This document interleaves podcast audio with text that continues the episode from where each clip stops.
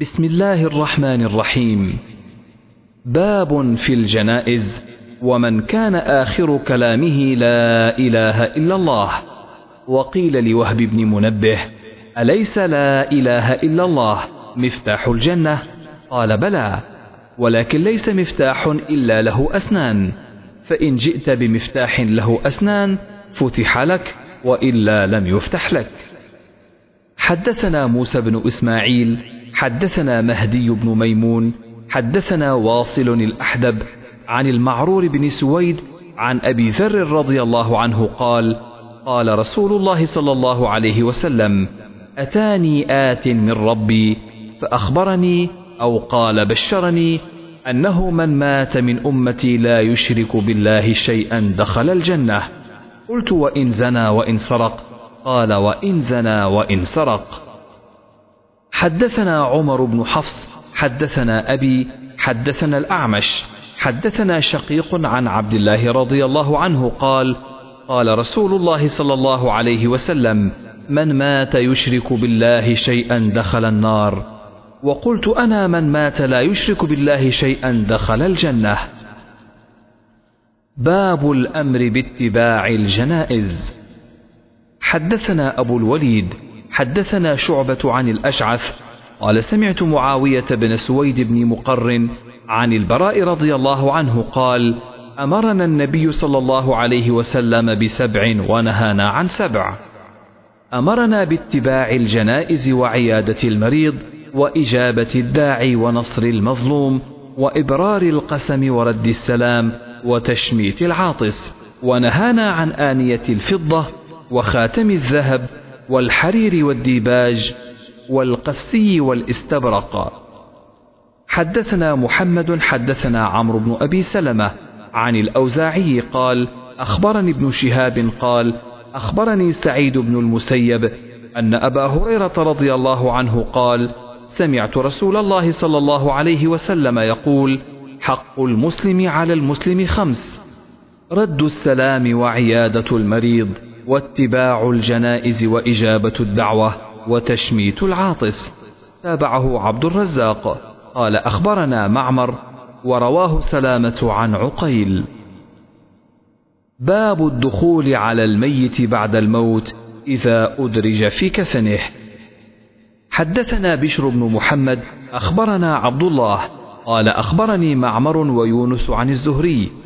قال أخبرني أبو سلمة أن عائشة رضي الله عنها زوج النبي صلى الله عليه وسلم أخبرته. قالت أقبل أبو بكر رضي الله عنه على فرسه من مسكنه بالسنح حتى نزل فدخل المسجد فلم يكلم الناس حتى دخل على عائشة رضي الله عنها. فتيمم النبي صلى الله عليه وسلم وهو مسجن ببرد حبره فكشف عن وجهه ثم أكب عليه فقبله ثم بكى فقال بأبي أنت يا نبي الله لا يجمع الله عليك موتتين أما الموتة التي كتبت عليك فقد متها. قال أبو سلمة فأخبرني ابن عباس رضي الله عنهما أن أبا بكر رضي الله عنه خرج وعمر رضي الله عنه يكلم الناس فقال اجلس فأبى فتشهد أبو بكر رضي الله عنه فمال إليه الناس وتركوا عمر. فقال أما بعد فمن كان منكم يعبد محمدا صلى الله عليه وسلم فإن محمدا صلى الله عليه وسلم قد مات.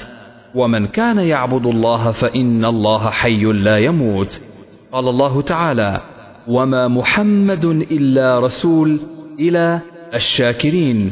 والله لكأن الناس لم يكونوا يعلمون أن الله أنزل حتى تلاها أبو بكر رضي الله عنه فتلقاها منه الناس فما يسمع بشر إلا يتلوها.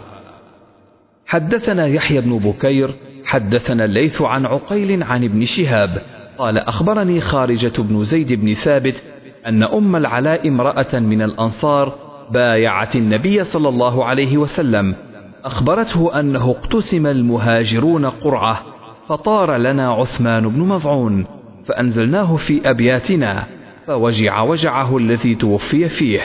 فلما توفي وغسل وكفن في أثوابه دخل رسول الله صلى الله عليه وسلم. فقلت رحمة الله عليك أبا السائب فشهادتي عليك لقد أكرمك الله. فقال النبي صلى الله عليه وسلم وما يدريك أن الله أكرمه؟ فقلت بأبي أنت يا رسول الله فمن يكرمه الله؟ فقال أما هو فقد جاءه اليقين.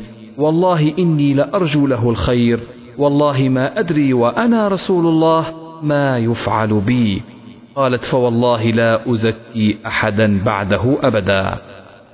حدثنا سعيد بن عفير حدثنا الليث مثله وقال نافع بن يزيد عن عقيل ما يفعل به وتابعه شعيب وعمر بن دينار ومعمر.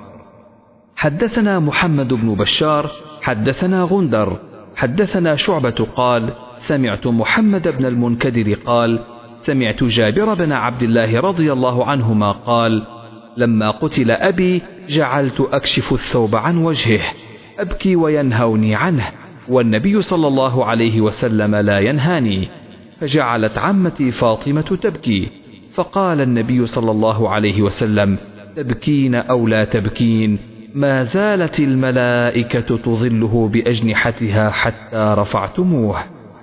تابعه ابن جريج أخبرني ابن المنكدر سمع جابرا رضي الله عنه. باب الرجل ينعى إلى أهل الميت بنفسه. حدثنا إسماعيل قال حدثني مالك عن ابن شهاب عن سعيد بن المسيب عن أبي هريرة رضي الله عنه أن رسول الله صلى الله عليه وسلم نعى النجاشي في اليوم الذي مات فيه. خرج إلى المصلى فصف بهم وكبر أربعة. حدثنا أبو معمر حدثنا عبد الوارث حدثنا أيوب عن حميد بن هلال عن أنس بن مالك رضي الله عنه قال قال النبي صلى الله عليه وسلم أخذ الراية زيد فأصيب ثم أخذها جعفر فأصيب ثم أخذها عبد الله بن رواحة فأصيب. وإن عيني رسول الله صلى الله عليه وسلم لتذرفان ثم أخذها خالد بن الوليد من غير إمرة ففتح له. باب الإذن بالجنازة. وقال أبو رافع عن أبي هريرة رضي الله عنه قال قال النبي صلى الله عليه وسلم ألا آذنتموني؟ حدثنا محمد أخبرنا أبو معاوية عن أبي إسحاق الشيباني عن الشعبي عن ابن عباس رضي الله عنهما قال مات إنسان كان رسول الله صلى الله عليه وسلم يعوده فمات بالليل فدفنوه ليلا. فلما أصبح أخبروه فقال ما منعكم أن تعلموني؟ قالوا كان الليل فكرهنا وكانت ظلمة أن نشق عليك. فأتى قبره فصلى عليه. باب فضل من مات له ولد فاحتسب. وقال الله عز وجل وبشر الصابرين. حدثنا أبو معمر حدثنا عبد الوارث حدثنا عبد العزيز عن أنس رضي الله عنه قال قال النبي صلى الله عليه وسلم ما من الناس من مسلم يتوفى له ثلاث لم يبلغ الحنث إلا أدخله الله الجنة بفضل رحمته إياهم. حدثنا مسلم حدثنا شعبة حدثنا عبد الرحمن بن الأصبهاني عن ذكوان عن أبي سعيد رضي الله عنه أن النساء قلن للنبي صلى الله عليه وسلم اجعل لنا يوما. فوعظهن وقال أيما امرأة مات لها ثلاثة من الولد كانوا حجابا من النار. قالت امرأة واثنان قال واثنان.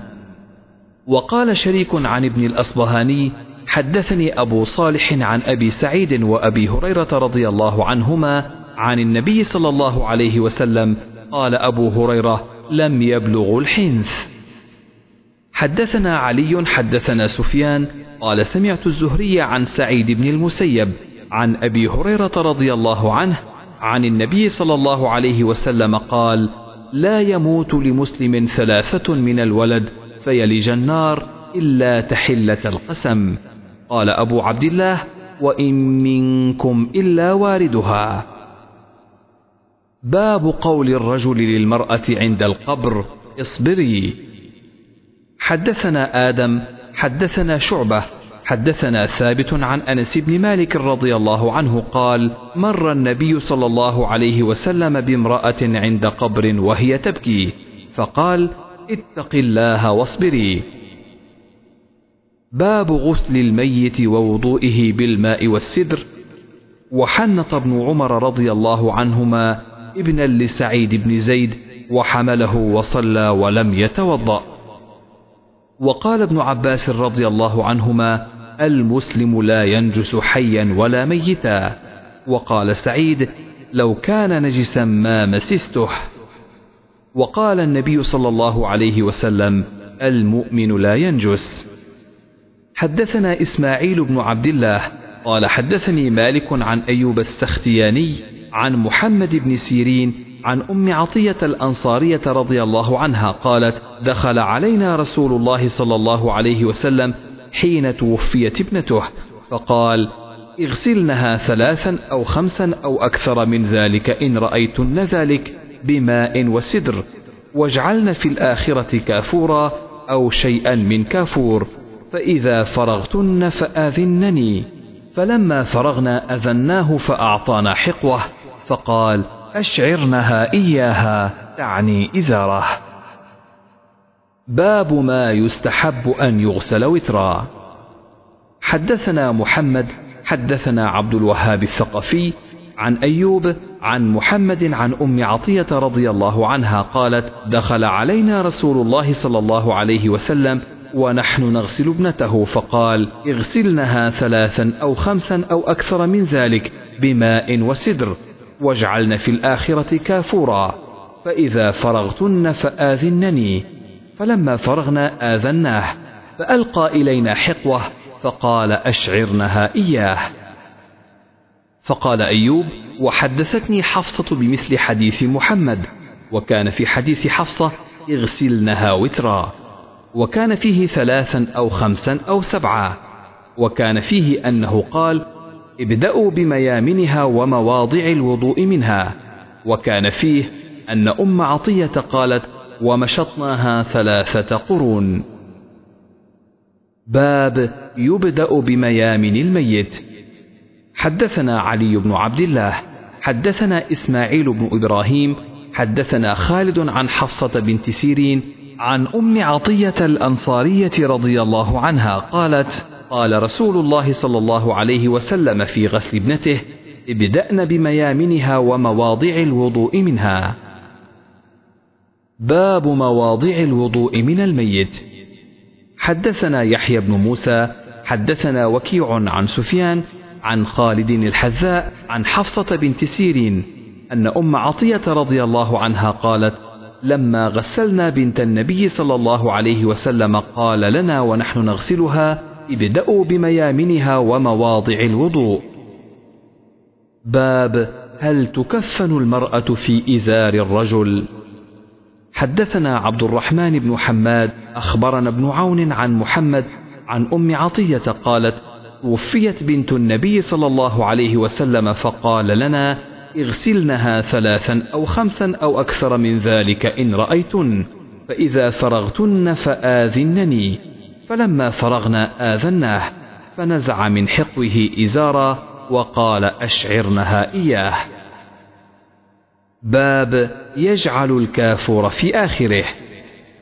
حدثنا حامد بن عمر حدثنا حماد بن زيد عن أيوب عن محمد عن أم عطية قالت وفيت إحدى بنات النبي صلى الله عليه وسلم فخرج فقال اغسلنها ثلاثا أو خمسا أو أكثر من ذلك إن رأيتن بماء وسدر واجعلن في الآخرة كافورا أو شيئا من كافور فإذا فرغتن فآذنني. قالت فلما فرغنا آذناه. فألقى إلينا حقوه فقال أشعرنها إياه. وعن أيوب عن حفصة عن أم عطية رضي الله عنهما بنحوه وقالت إنه قال اغسلنها ثلاثا أو خمسا أو سبعا أو أكثر من ذلك إن رأيتن. قالت حفصة. قالت أم عطية رضي الله عنها وجعلنا رأسها ثلاثة قرون. باب نقض شعر المرأة. وقال ابن سيرين لا بأس أن ينقض شعر الميت. حدثنا أحمد حدثنا عبد الله بن وهب. أخبرنا ابن جريج قال أيوب وسمعت حفصة بنت سيرين قالت حدثتنا أم عطية رضي الله عنها أنهن جعلن رأس بنت رسول الله صلى الله عليه وسلم ثلاثة قرون. نقضنه ثم غسلنه ثم جعلنه ثلاثة قرون. باب كيف الإشعار للميت؟ وقال الحسن الخرقة الخامسة تشد بها الفخذين والوركين تحت الدرع. حدثنا أحمد حدثنا عبد الله بن وهب أخبرنا ابن جريج أن أيوب أخبره قال سمعت ابن سيرين يقول جاءت أم عطية رضي الله عنها امرأة من الأنصار من اللاتي بايعن. قدمت البصرة تبادر ابنا لها فلم تدركه. فحدثتنا قالت دخل علينا النبي صلى الله عليه وسلم ونحن نغسل ابنته فقال اغسلنها ثلاثا أو خمسا أو أكثر من ذلك إن رأيتن ذلك بماء وسدر. واجعلن في الآخرة كافورا فإذا فرغتن فآذنني. قالت فلما فرغنا ألقى إلينا حقوه فقال أشعرنها إياه ولم يزد على ذلك ولا أدري أي بناته. وزعم أن الإشعار ألففنها فيه. وكذلك كان ابن سيرين يأمر بالمرأة أن تشعر ولا تؤزر. باب هل يجعل شعر المرأة ثلاثة قرون؟ حدثنا قبيصة حدثنا سفيان عن هشام عن أم الهذيل عن أم عطية رضي الله عنها قالت ضفرنا شعر بنت النبي صلى الله عليه وسلم تعني ثلاثة قرون. وقال وكيع قال سفيان ناصيتها وقرنيها. باب يلقى شعر المرأة خلفها. حدثنا قبيصة حدثنا سفيان عن هشام عن أم الهذيل عن أم عطية رضي الله عنها قالت ضفرنا شعر بنت النبي صلى الله عليه وسلم تعني ثلاثة قرون. وقال وكيع قال سفيان ناصيتها وقرنيها. باب يلقى شعر المرأة خلفها. حدثنا مسدد حدثنا يحيى بن سعيد عن هشام بن حسان قال حدثتنا حفصة عن أم عطية رضي الله عنها قالت وفيت إحدى بنات النبي صلى الله عليه وسلم فأتانا النبي صلى الله عليه وسلم فقال اغسلنها بالسدر وترا ثلاثا أو خمسا أو أكثر من ذلك إن رأيتن ذلك. واجعلن في الآخرة كافورا أو شيئا من كافور. فإذا فرغتن فآذنني. فلما فرغنا آذناه. فألقى إلينا حقوة. فضفرنا شعرها ثلاثة قرون وألقيناها خلفها. باب الثياب البيض للكفن. حدثنا محمد بن مقاتل أخبرنا عبد الله. أخبرنا هشام بن عروة عن أبيه عن عائشة رضي الله عنها أن رسول الله صلى الله عليه وسلم كفن في ثلاثة أثواب يمانية بيض سحولية من كرسف ليس فيها قميص ولا عمامة. باب الكفن في ثوبين. حدثنا أبو النعمان، حدثنا حماد عن أيوب، عن سعيد بن جبير عن ابن عباس رضي الله عنهم قال: بينما رجل واقف بعرفة إذ وقع عن راحلته فوقصته أو قال فأوقصته قال النبي صلى الله عليه وسلم اغسلوه بماء وسدر وكفنوه في ثوبين ولا تحنطوه ولا تخمروا رأسه فإنه يبعث يوم القيامة ملبيا. باب الحنوط للميت. حدثنا قتيبة حدثنا حماد عن أيوب عن سعيد بن جبير عن ابن عباس رضي الله عنهما قال بينما رجل واقف مع رسول الله صلى الله عليه وسلم بعرفة إذ وقع من راحلته فأقصعته أو قال فأقعصته.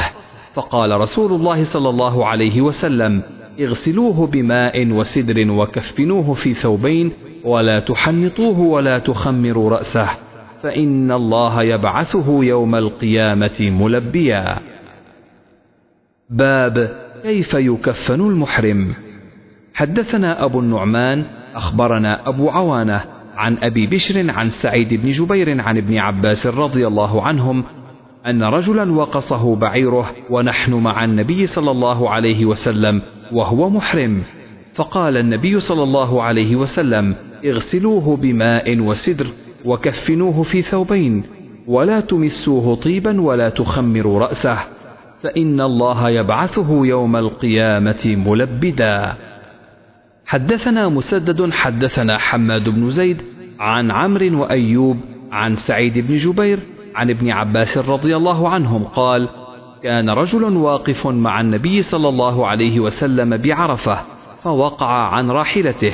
قال أيوب فوقصته وقال عمرو فأقصعته فمات فقال اغسلوه بماء وسدر وكفنوه في ثوبين ولا تحنطوه ولا تخمروا رأسه فإنه يبعث يوم القيامة. قال أيوب يلبي. وقال عمرو ملبيا. باب الكفن في القميص الذي يكف أو لا يكف ومن كفن بغير قميص. حدثنا مسدد قال حدثنا يحيى بن سعيد عن عبيد الله قال حدثني نافع عن ابن عمر رضي الله عنهما أن عبد الله بن أبي لما توفي جاء ابنه إلى النبي صلى الله عليه وسلم فقال يا رسول الله أعطني قميصك أكفنه فيه وصل عليه واستغفر له. فأعطاه النبي صلى الله عليه وسلم قميصه فقال آذني أصلي عليه. فآذنه فلما أراد أن يصلي عليه جذبه عمر رضي الله عنه فقال أليس الله نهاك أن تصلي على المنافقين؟ فقال أنا بين خيرتين قال استغفر لهم أو لا تستغفر لهم. إن تستغفر لهم سبعين مرة فلن يغفر الله لهم. فصلى عليه فنزلت ولا تصلي على أحد منهم مات أبدا.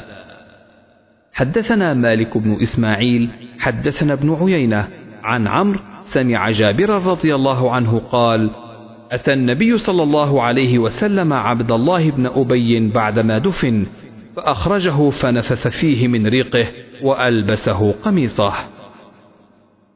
باب الكفن بغير قميص. حدثنا أبو نعيم حدثنا سفيان عن هشام عن عروة عن عائشة رضي الله عنها قالت كفن النبي صلى الله عليه وسلم في ثلاثة أثواب سحول. أرسف ليس فيها قميص ولا عمامة. حدثنا مسدد حدثنا يحيى عن هشام حدثني أبي عن عائشة رضي الله عنها أن رسول الله صلى الله عليه وسلم كفن في ثلاثة أثواب ليس فيها قميص ولا عمامة. باب الكفن ولا عمامة. حدثنا إسماعيل قال حدثني مالك عن هشام بن عروة عن أبيه عن عائشة رضي الله عنها أن رسول الله صلى الله عليه وسلم كفن في ثلاثة أثواب بيض سحولية ليس فيها قميص ولا عمامة. باب الكفن من جميع المال. وبه قال عطاء والزهري وعمرو بن دينار وقتاده وقال عمرو بن دينار الحنوط من جميع المال. وقال إبراهيم يبدأ بالكفن ثم بالدين ثم بالوصية. وقال سفيان أجر القبر والغسل هو من الكفن. حدثنا أحمد بن محمد المكي. حدثنا إبراهيم بن سعيد عن سعد عن أبيه قال أتي عبد الرحمن بن عوف رضي الله عنه يوما بطعامه فقال قتل مصعب بن عمير وكان خيرا مني فلم يوجد له ما يكفن فيه إلا بردة وقتل حمزة أو رجل آخر خير مني فلم يوجد له ما يكفن فيه إلا بردة. لقد خشيت أن يكون قد عجلت لنا طيباتنا في حياتنا الدنيا ثم جعل يبكي. باب إذا لم يوجد إلا ثوب واحد. حدثنا ابن مقاتل أخبرنا عبد الله أخبرنا شعبة عن سعد بن إبراهيم عن أبيه إبراهيم أن عبد الرحمن بن عوف رضي الله عنه أتي بطعام وكان صائما فقال قتل مصعب بن عمير وهو خير مني أفن في بردة. إن غطي رأسه بدت رجلاه وإن غطي رجلاه بدا رأسه. ورآه قال وقتل حمزة وهو خير مني. ثم بسط لنا من الدنيا ما بسط أو قال أعطينا من الدنيا ما أعطينا وقد خشينا أن تكون حسناتنا عجلت لنا ثم جعل يبكي حتى ترك الطعام. باب إذا لم يجد كفنا إلا ما يواري رأسه أو قدميه غطى رأسه. حدثنا عمر بن حفص بن غياث حدثنا أبي حدثنا الأعمش حدثنا شقيق حدثنا خباب رضي الله عنه قال هاجرنا مع النبي صلى الله عليه وسلم نلتمس وجه الله فوقع أجرنا على الله فمنا من مات لم يأكل من أجره شيئا منهم مصعب بن عمير ومنا من أينعت له ثمرته فهو يهدبها.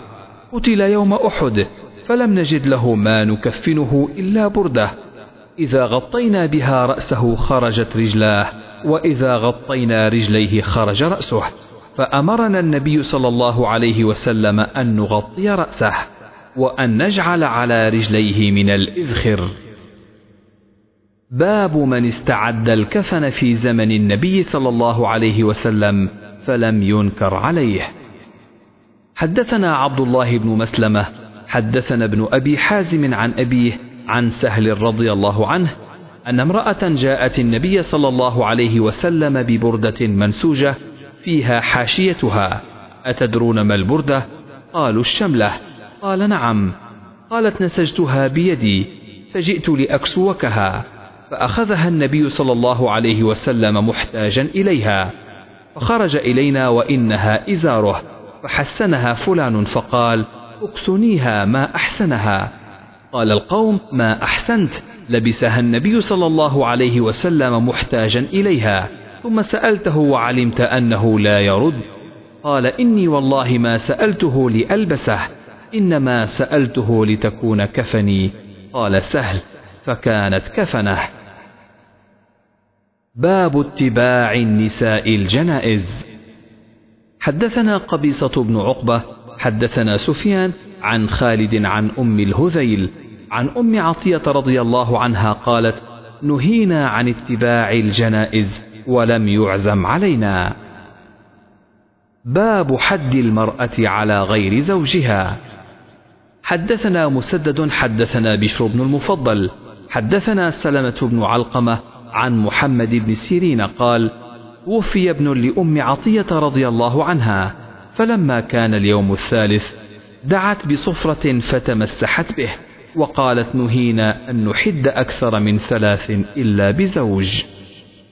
حدثنا الحميدي حدثنا سفيان حدثنا أيوب بن موسى. قال أخبرني حميد بن نافع عن زينب ابنة أبي سلمة.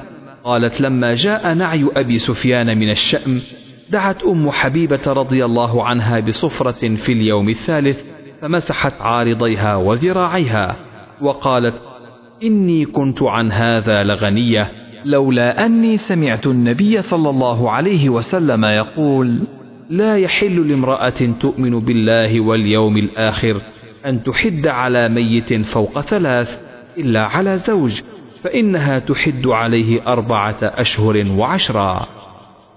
حدثنا إسماعيل حدثني مالك عن عبد الله بن أبي بكر بن محمد بن عمرو بن حزم عن حميد بن نافع عن زينب بنت أبي سلمة أخبرته قالت دخلت على أم حبيبة زوج النبي صلى الله عليه وسلم فقالت سمعت رسول الله صلى الله عليه وسلم يقول لا يحل لامرأة تؤمن بالله واليوم الآخر تحد على ميت فوق ثلاث إلا على زوج أربعة أشهر وعشرا ثم دخلت على زينب بنت جحش حين توفي أخوها.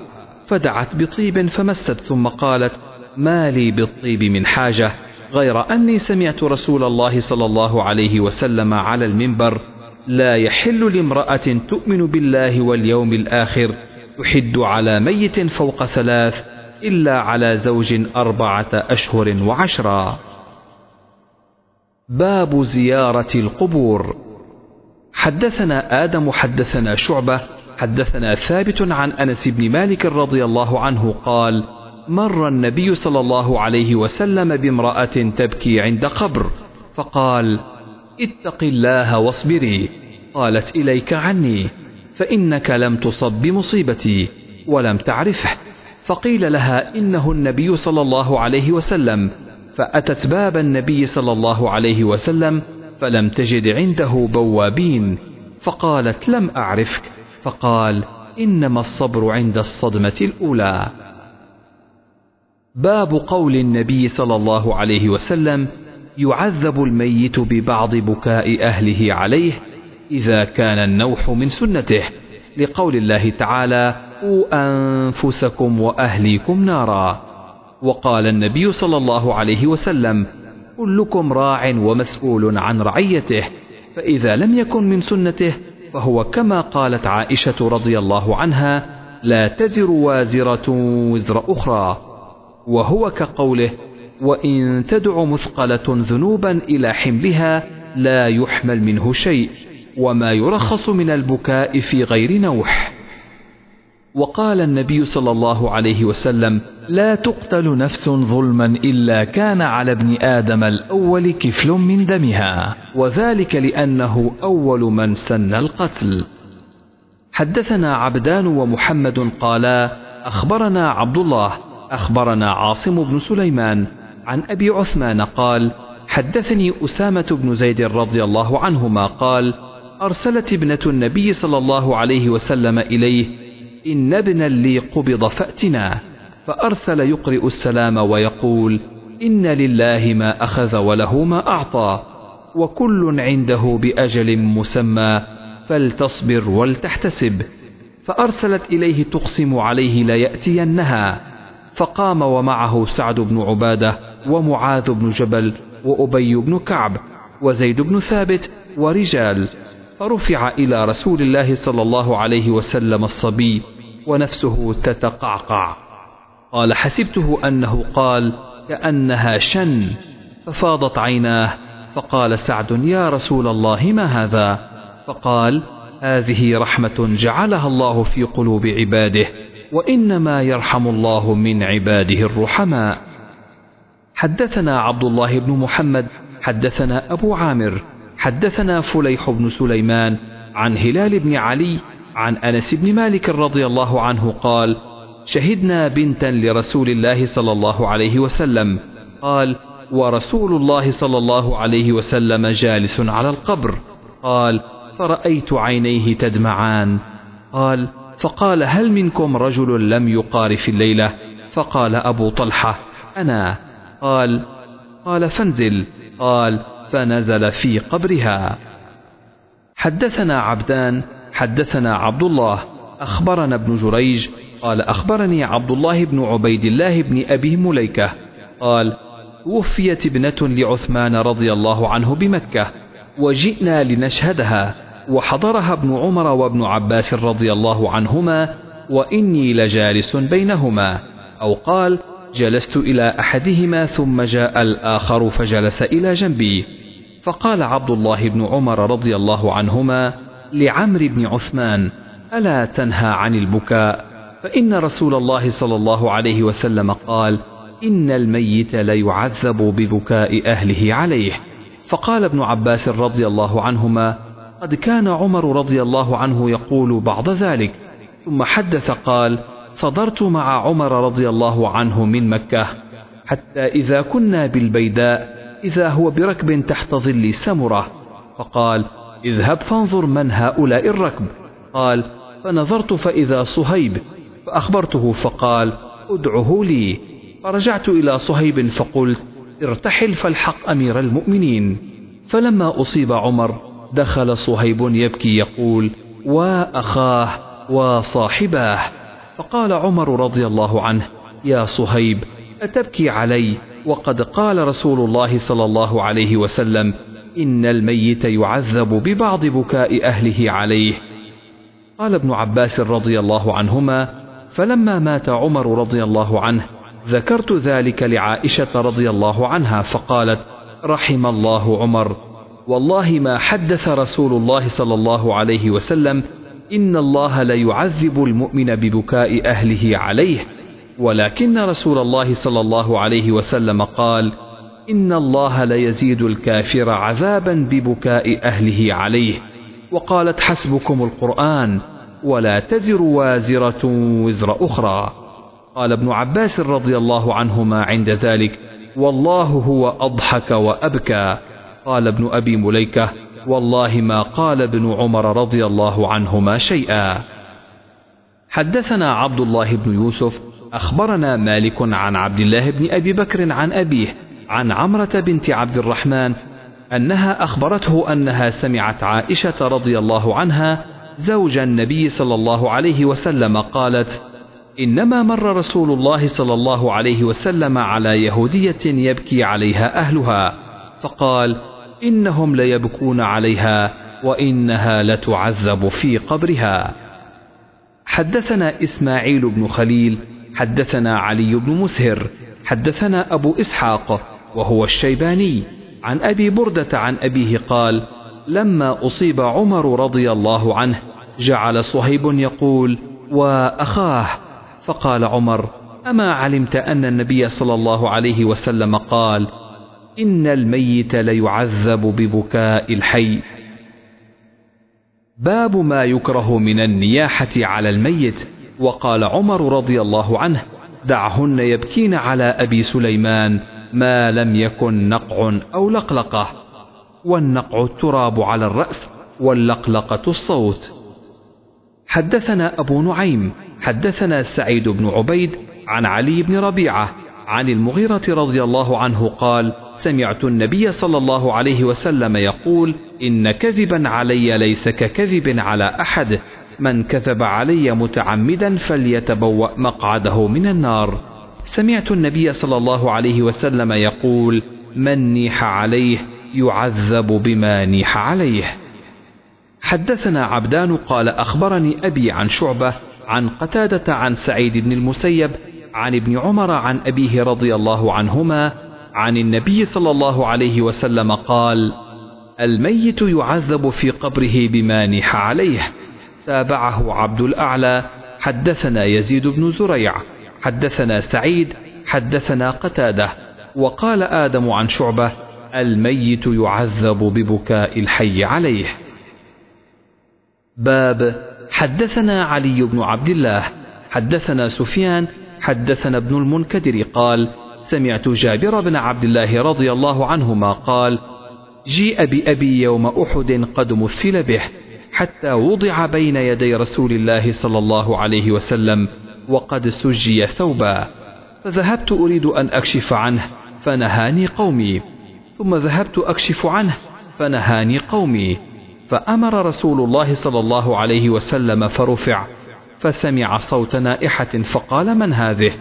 قالوا ابنة عمرو أو أخت عمرو قال فلم تبكي أو لا تبكي؟ فما زالت الملائكة تظله بأجنحتها حتى رفع باب ليس منا من شق الجيوب. حدثنا أبو نعيم حدثنا سفيان حدثنا زبيد اليامي عن إبراهيم عن مسروق عن عبد الله رضي الله عنه قال قال النبي صلى الله عليه وسلم ليس منا من لطم الخدود وشق الجيوب ودعا بدعوى الجاهلية. باب رثى النبي صلى الله عليه وسلم سعد بن خولة. حدثنا عبد الله بن يوسف أخبرنا مالك عن ابن شهاب عن عامر بن سعد بن أبي وقاص عن أبيه رضي الله عنه قال كان رسول الله صلى الله عليه وسلم يعودني عام حجة الوداع من وجع اشتد بي.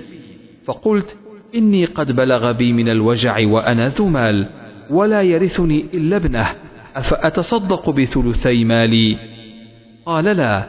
فقلت بالشطر فقال لا. ثم قال الثلث والثلث كبير أو كثير. إنك أن تذر ورثتك أغنياء. خير من أن تذرهم عالة يتكففون الناس. وإنك لن تنفق نفقة تبتغي بها وجه الله إلا أجرت بها حتى ما تجعل في في امرأتك. فقلت يا رسول الله أخلف بعد أصحابي. قال إنك لن تخلف فتعمل عملا صالحا إلا ازددت به درجة ورفعة ثم لعلك أن تخلف حتى ينتفع بك أقوام ويضر بك آخرون. اللهم أمض لأصحاب هجرتهم ولا تردهم على أعقابهم.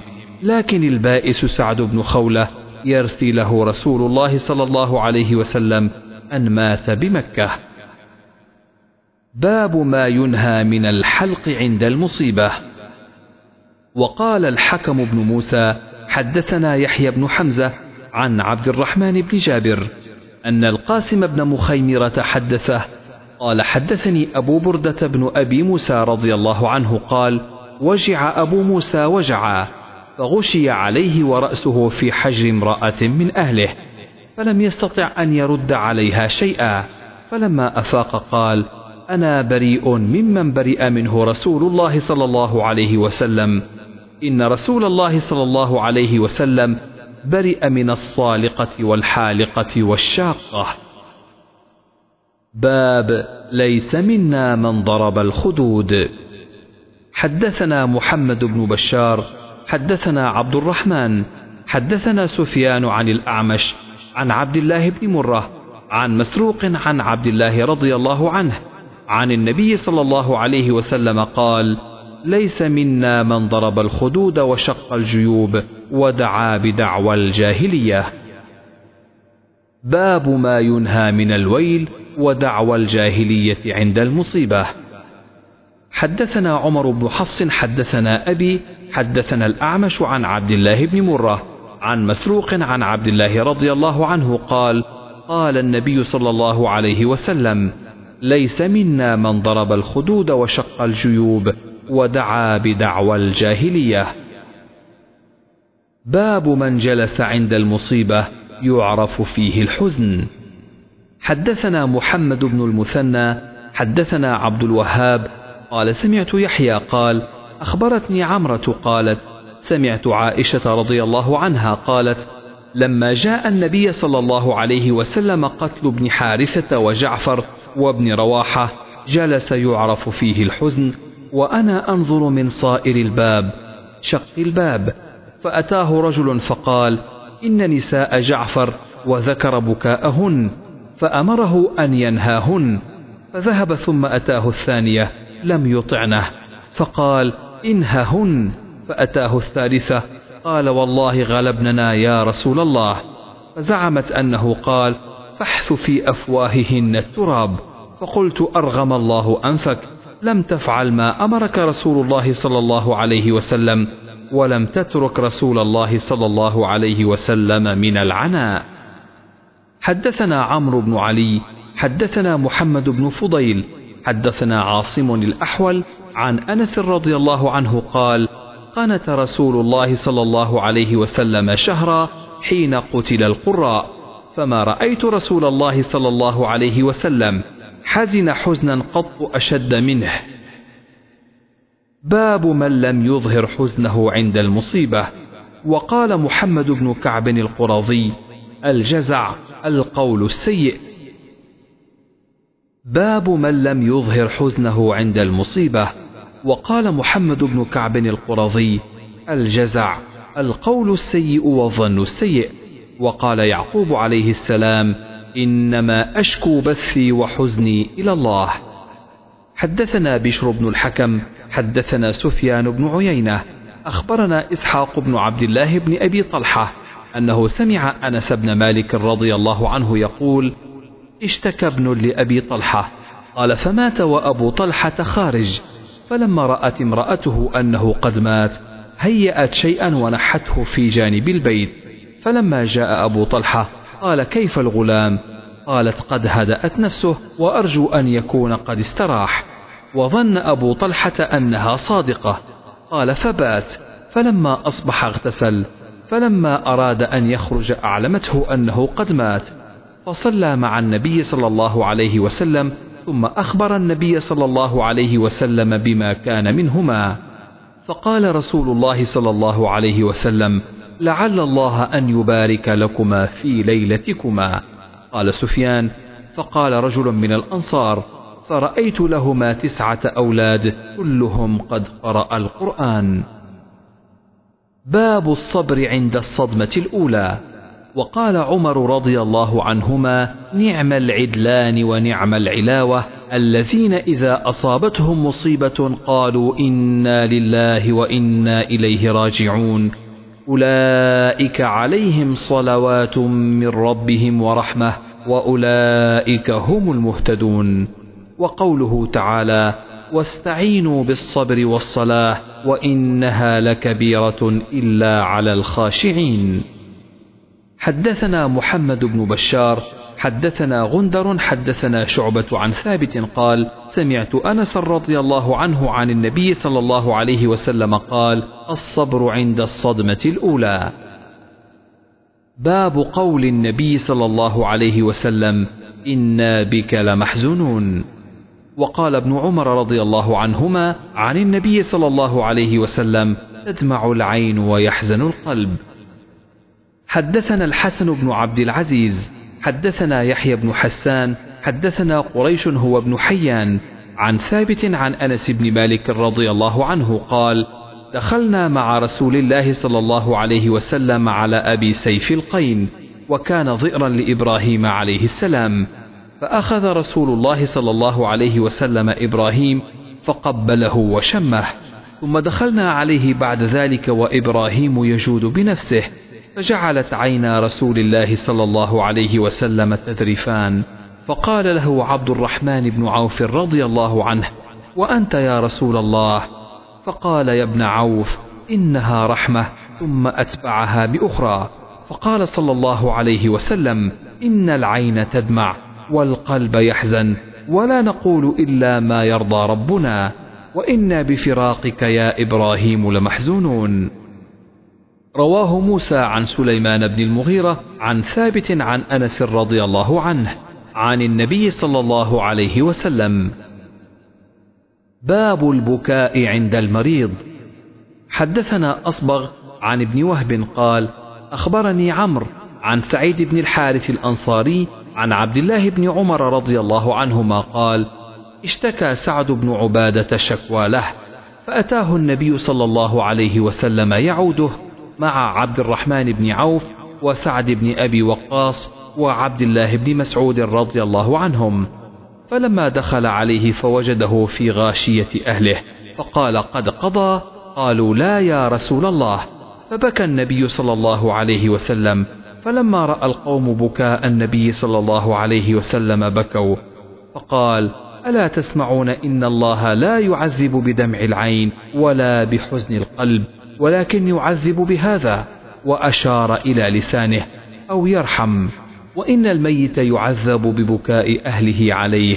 وكان عمر رضي الله عنه يضرب فيه بالعصا ويرمي بالحجارة ويحثي بالتراب. باب ما ينهى عن النوح والبكاء والزجر عن ذلك. حدثنا محمد بن عبد الله بن حوشب حدثنا عبد الوهاب حدثنا يحيى بن سعيد قال أخبرتني عمرة قالت سمعت عائشة رضي الله عنها تقول لما جاء قتل زيد بن حارثة وجعفر وعبد الله بن رواحة جلس النبي صلى الله عليه وسلم يعرف فيه الحزن وأنا أطلع من شق الباب فأتاه رجل فقال يا رسول الله إن نساء جعفر وذكر بكاءهن فأمره بأن ينهاهن.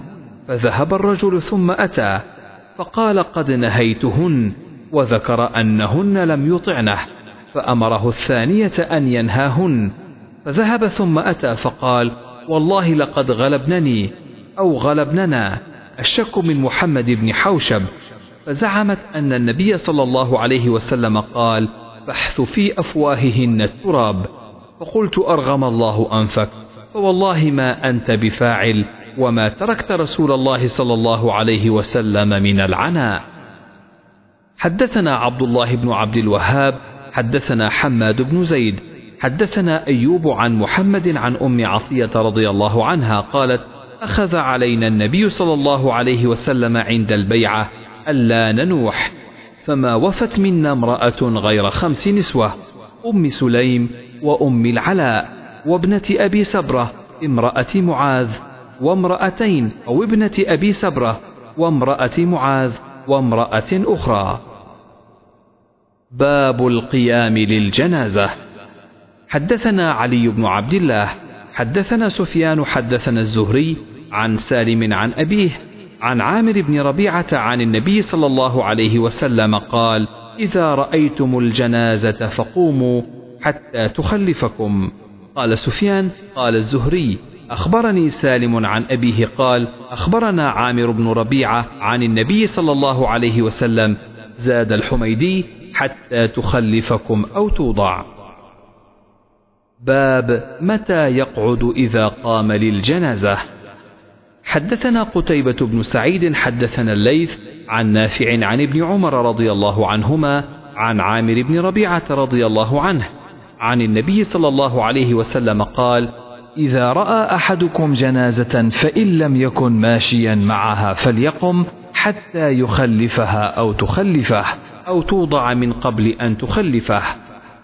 حدثنا أحمد بن يونس حدثنا ابن أبي ذئب عن سعيد المقبوري عن أبيه قال كنا في جنازة فأخذ أبو هريرة رضي الله عنه بيد مروان فجلسا قبل أن توضع فجاء أبو سعيد رضي الله عنه فأخذ بيد مروان.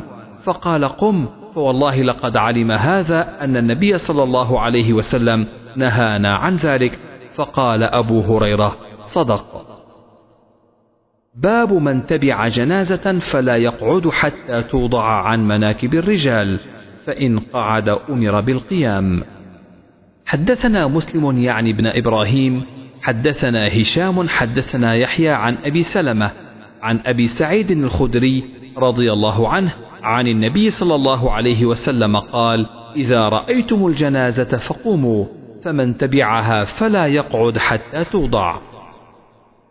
باب من قام لجنازة يهودي.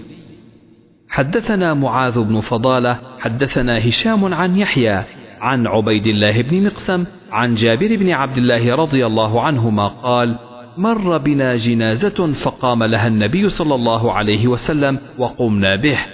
فقلنا يا رسول الله إنها جنازة يهودي. قال إذا رأيتم الجنازة فقوموا. حدثنا آدم حدثنا شعبة حدثنا عمرو بن مرة. قال سمعت عبد الرحمن بن أبي ليلى. قال كان سهل بن حنيف وقيس بن سعد قاعدين بالقادسية فمروا عليهما بجنازة. فقاما فقيل لهما إنها من أهل الأرض أي من أهل الذمة.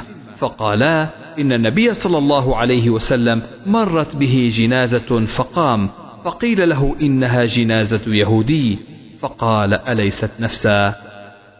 وقال أبو حمزة عن الأعمش عن عمرو عن ابن أبي ليلى قال كنت مع قيس وسهل رضي الله عنهما فقالا كنا مع النبي صلى الله عليه وسلم وقال زكرياء عن الشعبي عن ابن أبي ليلى كان أبو مسعود وقيس يقومان للجنازة. باب حمل الرجال الجنازة دون النساء. حدثنا عبد العزيز بن عبد الله حدثنا الليث عن سعيد المقبوري عن أبيه أنه سمع أبا سعيد الخدري رضي الله عنه أن رسول الله صلى الله عليه وسلم قال إذا وضعت الجنازة واحتملها الرجال على أعناقهم فإن كانت صالحة قالت قدموني وإن كانت غير صالحة قالت يا ويلها أين يذهبون بها؟ يسمع صوتها كل شيء إلا الإنسان ولو سمعه صعق. باب السرعة بالجنازة. وقال أنس رضي الله عنه أنتم مشيعون. وامش بين يديها وخلفها وعن يمينها وعن شمالها وقال غيره قريبا منها. حدثنا علي بن عبد الله حدثنا سفيان قال حفظناه من الزهري عن سعيد بن المسيب عن أبي هريرة رضي الله عنه عن النبي صلى الله عليه وسلم قال أسرعوا بالجنازة فإن تك صالحة فخير تقدمونها وإن يك سوى ذلك فشر تضعونه عن رقابكم. باب قول الميت وهو على الجنازة. قدموني. حدثنا عبد الله بن يوسف حدثنا الليث حدثنا سعيد عن أبيه أنه سمع أبا سعيد الخدري رضي الله عنه قال كان النبي صلى الله عليه وسلم يقول إذا وضعت الجنازة فاحتملها الرجال على أعناقهم. فإن كانت صالحة قالت قدموني وإن كانت غير صالحة قالت لأهلها يا ويلها أين تذهبون بها؟ يسمع صوتها كل شيء إلا الإنسان ولو سمع الإنسان لصعق. باب من صف صفين أو ثلاثة على الجنازة خلف الإمام.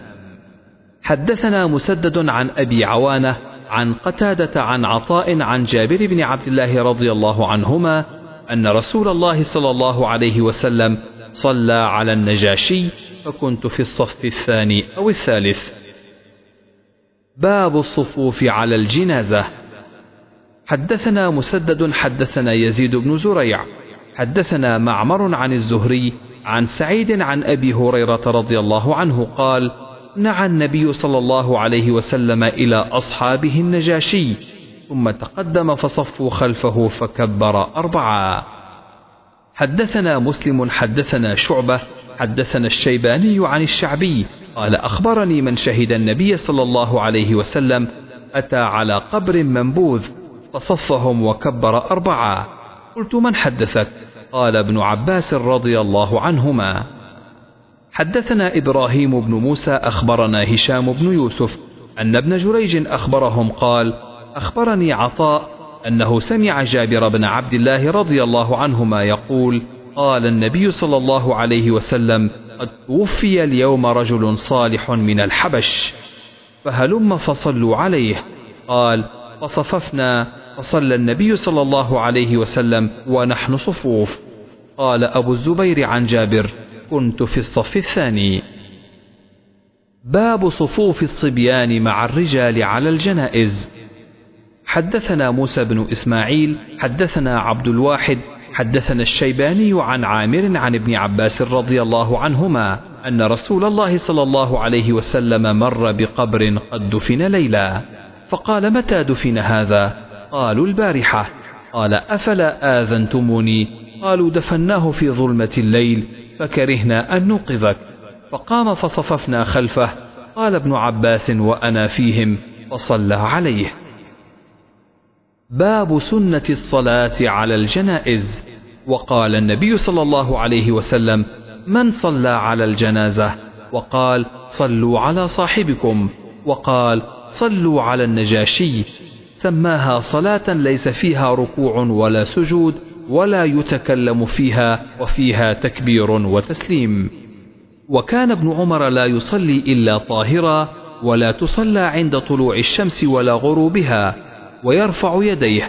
وقال الحسن أدركت الناس وأحقهم على جنائزهم من رضوهم لفرائضهم. وإذا أحدث يوم العيد أو عند الجنازة يطلب الماء ولا يتيمم. وإذا انتهى إلى الجنازة وهم يصلون يدخل معهم بتكبيره.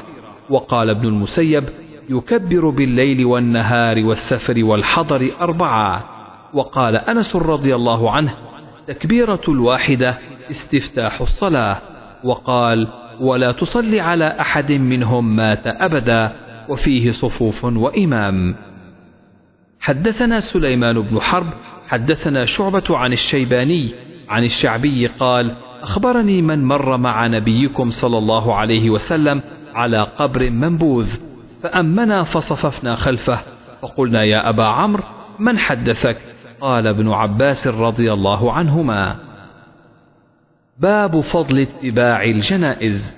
وقال زيد بن ثابت رضي الله عنه إذا صليت فقد قضيت الذي عليك. وقال حميد بن هلال ما علمنا على الجنازة إذنا.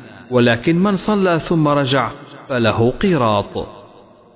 حدثنا أبو النعمان حدثنا جرير بن حازم قال سمعت نافعا يقول حدث ابن عمر أن أبا هريرة رضي الله عنهم يقول من تبع جنازة فله قيراط.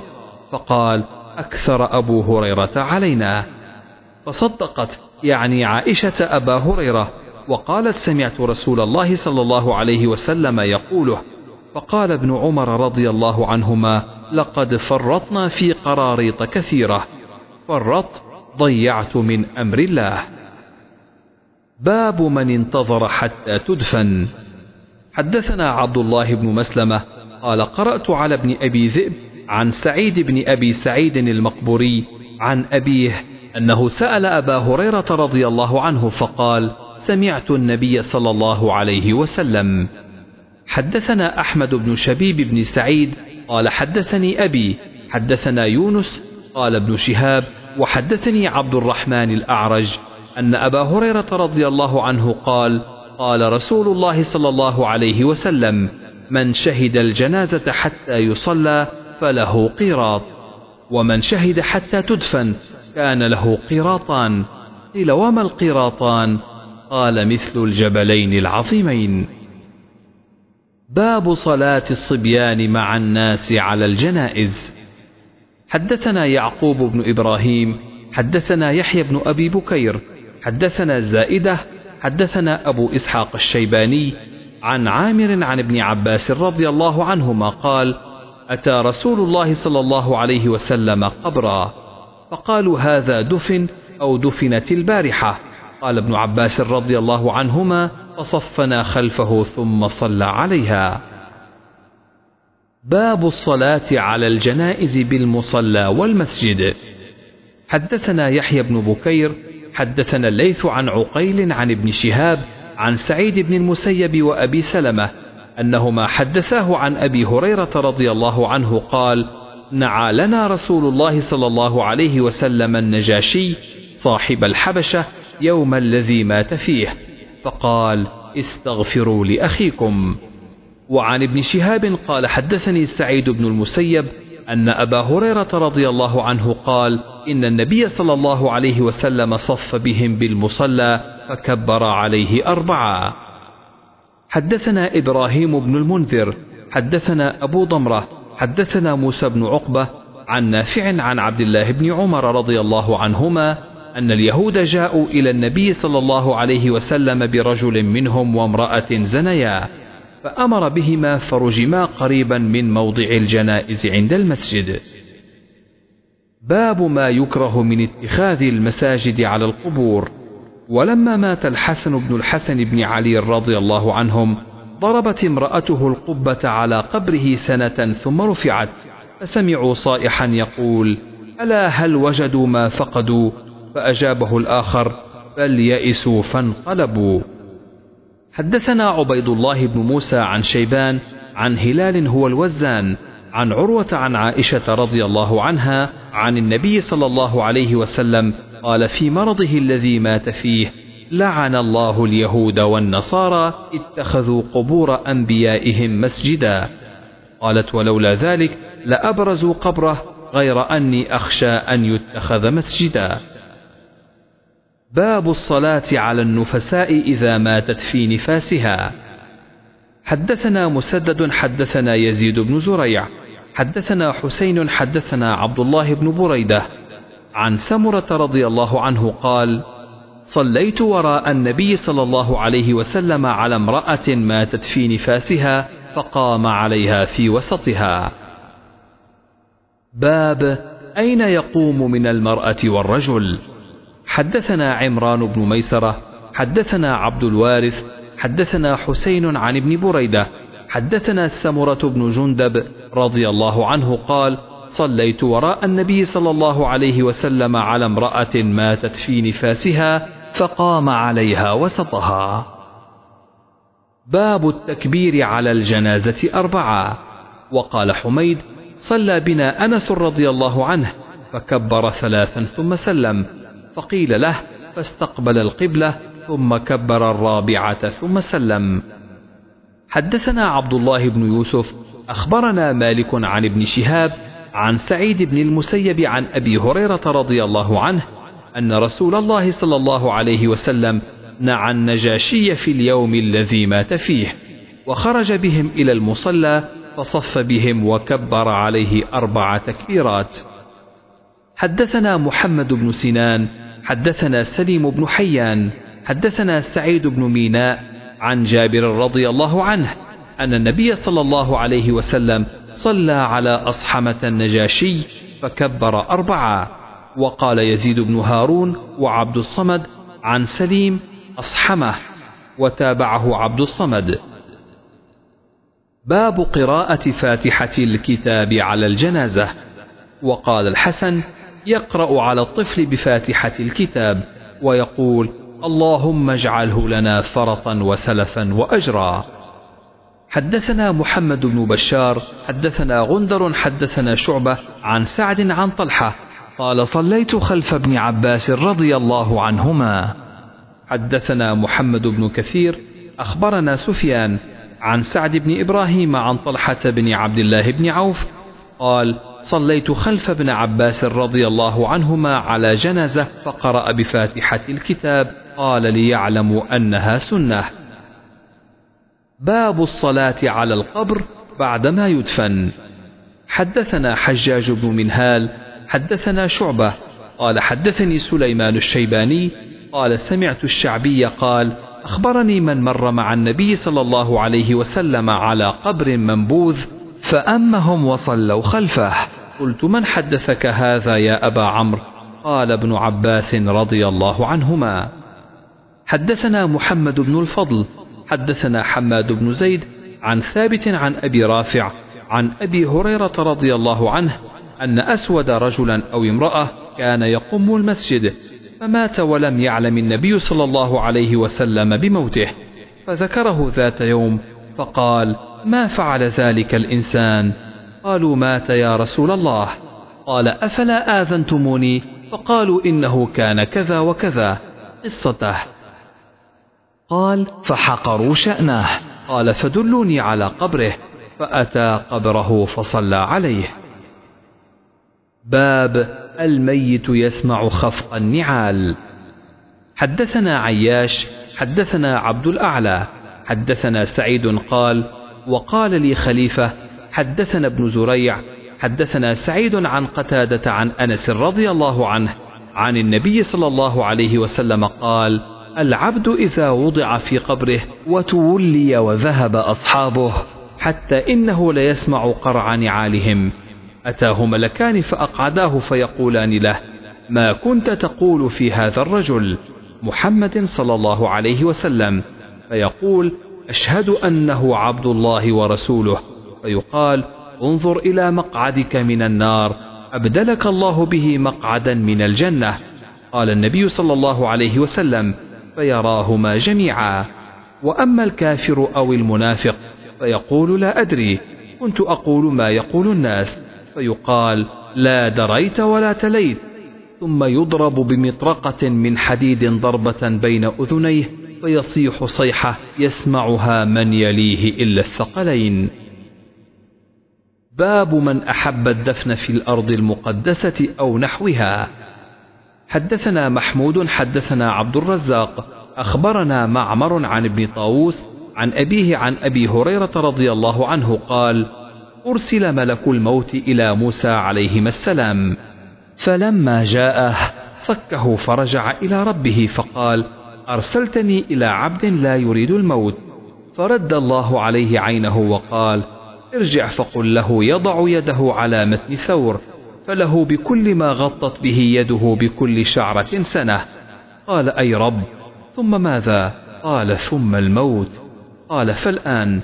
فسأل الله أن يدنيه من الأرض المقدسة رمية بحجر. قال قال رسول الله صلى الله عليه وسلم فلو كنت ثم لأريتكم قبره إلى جانب الطريق عند الكثيب الأحمر. باب الدفن بالليل ودفن أبو بكر رضي الله عنه ليلا. حدثنا عثمان بن أبي شيبة حدثنا جرير عن الشيباني عن الشعبي عن ابن عباس رضي الله عنهما قال صلى النبي صلى الله عليه وسلم على رجل بعدما دفن بليلة قام هو وأصحابه وكان سأل عنه فقال من هذا؟ فقالوا فلان دفن البارحة فصلوا عليه. باب بناء المسجد على القبر.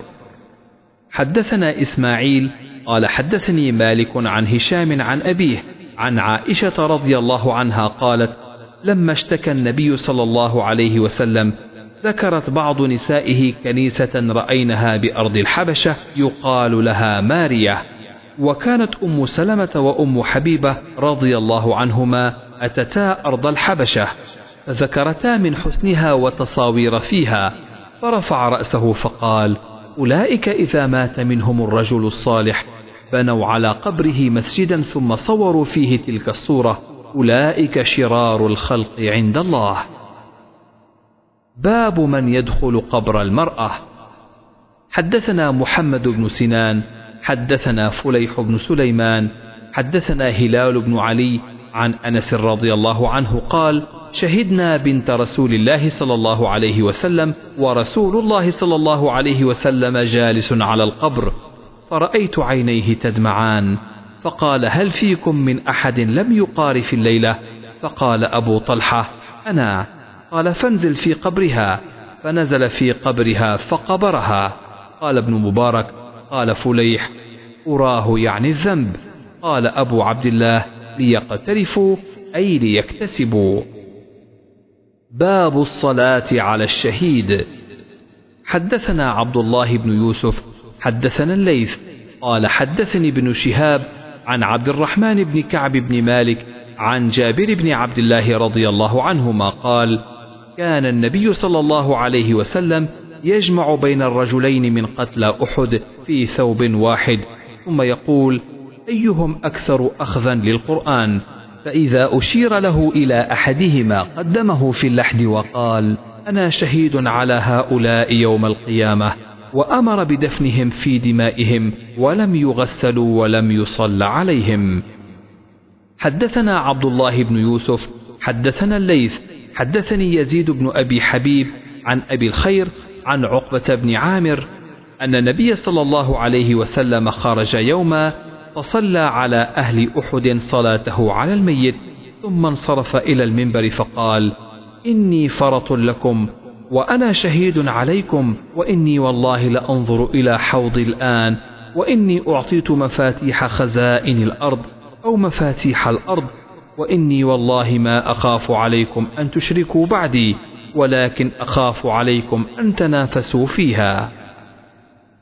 باب دفن الرجلين والثلاثة في قبر.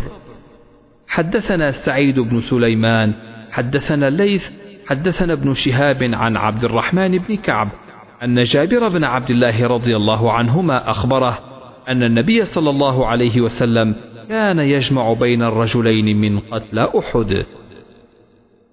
باب من لم ير غسل الشهداء. حدثنا أبو الوليد حدثنا ليث عن ابن شهاب عن عبد الرحمن بن كعب عن جابر قال قال النبي صلى الله عليه وسلم ادفنوهم في دمائهم يعني يوم أحد ولم يغسلهم. باب من يقدم في اللحد وسمي اللحد لأنه في ناحية وكل جائر ملحد ملتحدا معدلا ولو كان مستقيما كان ضريحا. حدثنا ابن مقاتل أخبرنا عبد الله أخبرنا ليث بن سعد حدثني ابن شهاب عن عبد الرحمن بن كعب بن مالك عن جابر بن عبد الله رضي الله عنهما أن رسول الله صلى الله عليه وسلم كان يجمع بين الرجلين من قتلى أحد في ثوب واحد ثم يقول أيهم أكثر أخذا للقرآن؟ فإذا أشير له إلى أحدهما قدمه في اللحد وقال أنا شهيد على هؤلاء وأمر بدفنهم بدمائهم ولم يصل عليهم ولم يغسلهم. وأخبرنا الأوزاعي عن الزهري عن جابر بن عبد الله رضي الله عنهما كان رسول الله صلى الله عليه وسلم يقول لقتل أحد أي هؤلاء أكثر أخذا للقرآن فإذا أشير له إلى رجل قدمه في اللحد قبل صاحبه. وقال جابر فكفن أبي وعمي في نمرة واحدة. وقال سليمان بن كثير حدثني الزهري حدثني من سمع جابرا رضي الله عنه. باب الإذخر والحشيش في القبر.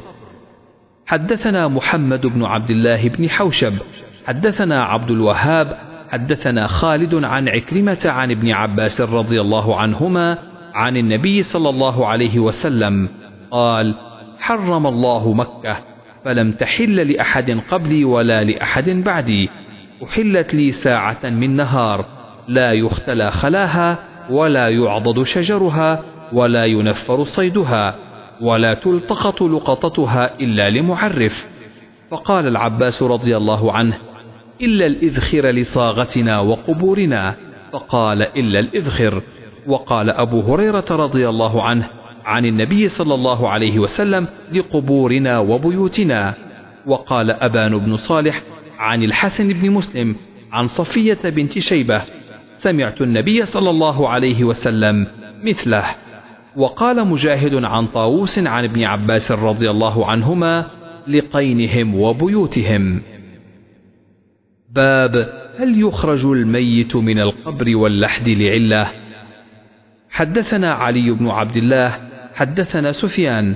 قال عمرو سمعت جابر بن عبد الله رضي الله عنهما قال أتى رسول الله صلى الله عليه وسلم عبد الله بن أبي بعدما أدخل حفرته فأمر به فأخرج فوضعه على ركبتيه ونفث عليه من ريقه وألبسه قميصه. فالله أعلم وكان كسى عباسا قميصا. قال سفيان وقال أبو هريرة وكان على رسول الله صلى الله عليه وسلم قميصان فقال له ابن عبد الله يا رسول الله ألبس أبي قميصك الذي يلي جلدك.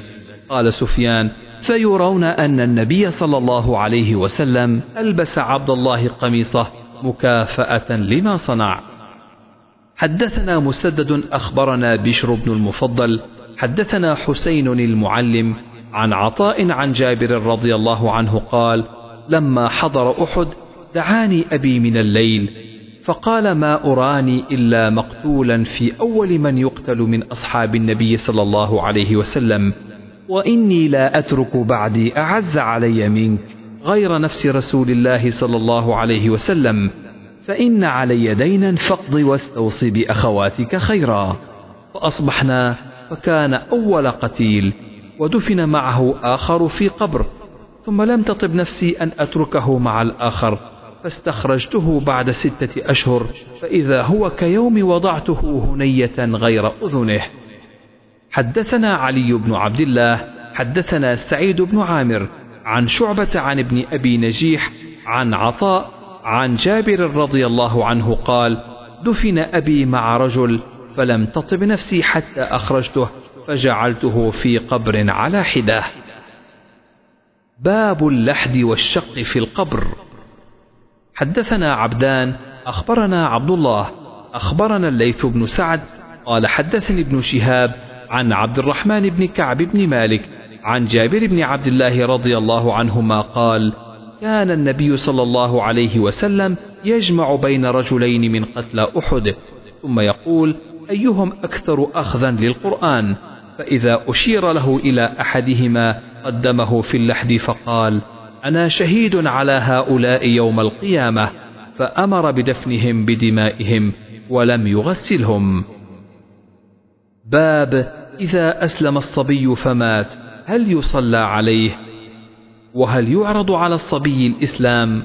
وقال الحسن وشريح وإبراهيم وقتادة إذا أسلم أحدهما فالولد مع المسلم. وكان ابن عباس رضي الله عنهما مع أمه من المستضعفين ولم يكن مع أبيه على دين قومه وقال الإسلام يعلو ولا يعلى. حدثنا عبدان أخبرنا عبد الله عن يونس عن الزهري قال أخبرني سالم بن عبد الله أن ابن عمر رضي الله عنهما أخبره أن عمر انطلق مع النبي صلى الله عليه وسلم في رهط قبل بن صياد. حتى وجدوه يلعب مع الصبيان عند أطم بني مغالة وقد قارب ابن صياد الحلم فلم يشعر حتى ضرب النبي صلى الله عليه وسلم بيده ثم قال لابن صياد تشهد أني رسول الله.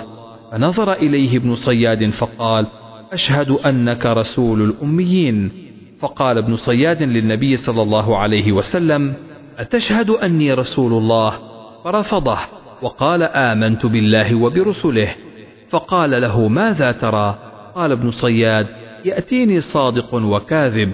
فقال النبي صلى الله عليه وسلم خلط عليك الأمر. ثم قال له النبي صلى الله عليه وسلم إني قد خبأت لك خبيئا.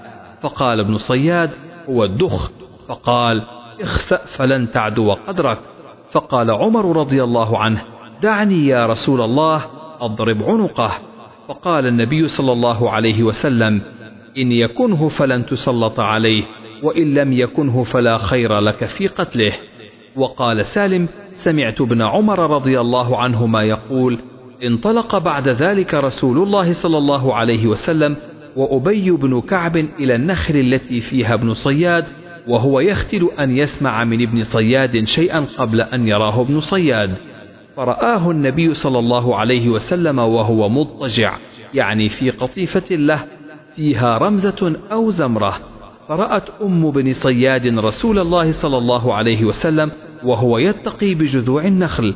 فقالت لابن صياد يا صاف وهو اسم ابن صياد هذا محمد صلى الله عليه وسلم.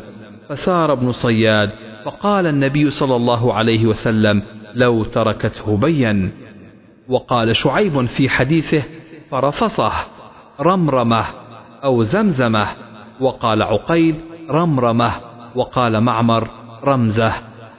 حدثنا سليمان بن حرب حدثنا حماد وهو ابن زيد. عن ثابت عن أنس رضي الله عنه قال كان غلام يهودي يخدم النبي صلى الله عليه وسلم فمرض فأتاه النبي صلى الله عليه وسلم يعوده. فقعد عند رأسه فقال له أسلم. فنظر إلى أبيه وهو عنده فقال له أطع أبا القاسم صلى الله عليه وسلم. فأسلم فخرج النبي صلى الله عليه وسلم وهو يقول الحمد لله الذي أنقذه من النار. حدثنا علي بن عبد الله حدثنا سفيان قال قال عبيد الله سمعت ابن عباس رضي الله عنهما يقول كنت أنا وأمي من المستضعفين. أنا من الولدان وأمي من النساء. حدثنا أبو اليمان أخبرنا شعيب قال ابن شهاب يصلى على كل مولود متوفى وإن كان لغية من أجل أنه ولد على فطرة الإسلام يدعي أبواه الإسلام أو أبوه خاصة. وإن كانت أمه على غير الإسلام إذا استهل صارخا صلي عليه ولا يصلى على من لا يستهل من أجل أنه سقط. فإن أبا هريرة رضي الله عنه كان يحدث قال النبي صلى الله عليه وسلم ما من مولود إلا يولد على الفطرة فأبواه يهودانه أو ينصرانه أو يمجسانه كما تنتج البهيمة بهيمة جمعاء هل تحسون فيها من جدعاء؟ ثم يقول أبو هريرة رضي الله عنه فطرة الله التي فطر الناس عليها الآية. حدثنا عبدان أخبرنا عبد الله أخبرنا يونس عن الزهري أخبرني أبو سلمة بن عبد الرحمن أن أبا هريرة رضي الله عنه قال قال رسول الله صلى الله عليه وسلم ما من مولود إلا يولد على الفطرة فأبواه يهودانه وينصرانه أو يمجسانه. كما تنتج البهيمة بهيمة هل تحسون فيها من جدعاء؟ ثم يقول أبو هريرة رضي الله عنه فطرة الله التي فطر الناس عليها لا تبديل لخلق الله ذلك الدين القيم. باب إذا قال المشرك عند الموت لا إله إلا الله. حدثنا إسحاق أخبرنا يعقوب بن إبراهيم قال حدثني أبي عن صالح عن ابن شهاب قال أخبرني سعيد بن المسيب عن أبيه أنه أخبره أنه لما حضرت أبا طالب الوفاة جاءه رسول الله صلى الله عليه وسلم فوجد عنده أبا جهل بن هشام وعبد الله بن أمية بن المغيرة. قال رسول الله صلى الله عليه وسلم لأبي طالب يا عم قل لا إله إلا الله كلمة أشهد لك بها عند الله. فقال أبو جهل وعبد الله بن أبي أمية يا أبا طالب أترغب عن ملة عبد المطلب؟ فلم يزل رسول الله صلى الله عليه وسلم يعرضها عليه ويعودان بتلك المقالة حتى قال أبو طالب آخر ما كلمهم هو على ملة عبد المطلب وأبى أن يقول لا إله إلا الله. فقال رسول الله صلى الله عليه وسلم أما والله لأستغفرن لك ما لم أنه عنك. فأنزل الله تعالى فيه ما كان للنبي الآية. باب الجريد على القبر وأوصى بريدة الأسلمي أن يجعل في قبره جريدان. ورأى ابن عمر رضي الله عنهما فسطاطا على قبر عبد الرحمن فقال انزعه يا غلام فإنما يظله عمله. وقال خارجة بن زيد رأيتني ونحن شبان في زمن عثمان رضي الله عنه وإن أشدنا وثبة الذي يثب قبر عثمان بن مضعون حتى يجاوزه. وقال عثمان بن حكيم أخذ بيدي خارجة فأجلسني على قبر وأخبرني عن عمه يزيد بن ثابت قال إنما كره ذلك لمن أحدث عليه. وقال نافع كان ابن عمر رضي الله عنهما يجلس على القبور. حدثنا يحيى حدثنا أبو معاوية عن الأعمش عن مجاهد عن طاووس عن ابن عباس رضي الله عنهما عن النبي صلى الله عليه وسلم أنه مر بقبرين يعذبان فقال إنهما ليعذبان وما يعذبان في كبير أما أحدهما فكان لا يستتر من البول وأما الآخر فكان يمشي بالنميمة ثم أخذ جريدة رطبة فشقها بنصفين ثم غرز في كل قبر واحدة فقالوا يا رسول الله لم صنعت هذا؟ فقال لعله أن يخفف عنهما ما لم ييبسا باب موعظة المحدث عند القبر وقعود أصحابه حوله. يخرجون من الأجداث. الأجداث القبور. بعثرت أثيرت. بعثرت حوضي أي جعلت أسفله أعلاه. الإيفاض الإسراع. وقرأ الأعمش إلى نصب. إلى شيء منصوب يستبقون إليه والنصب واحد والنصب مصدر. يوم الخروج من القبور ينسلون يخرجون.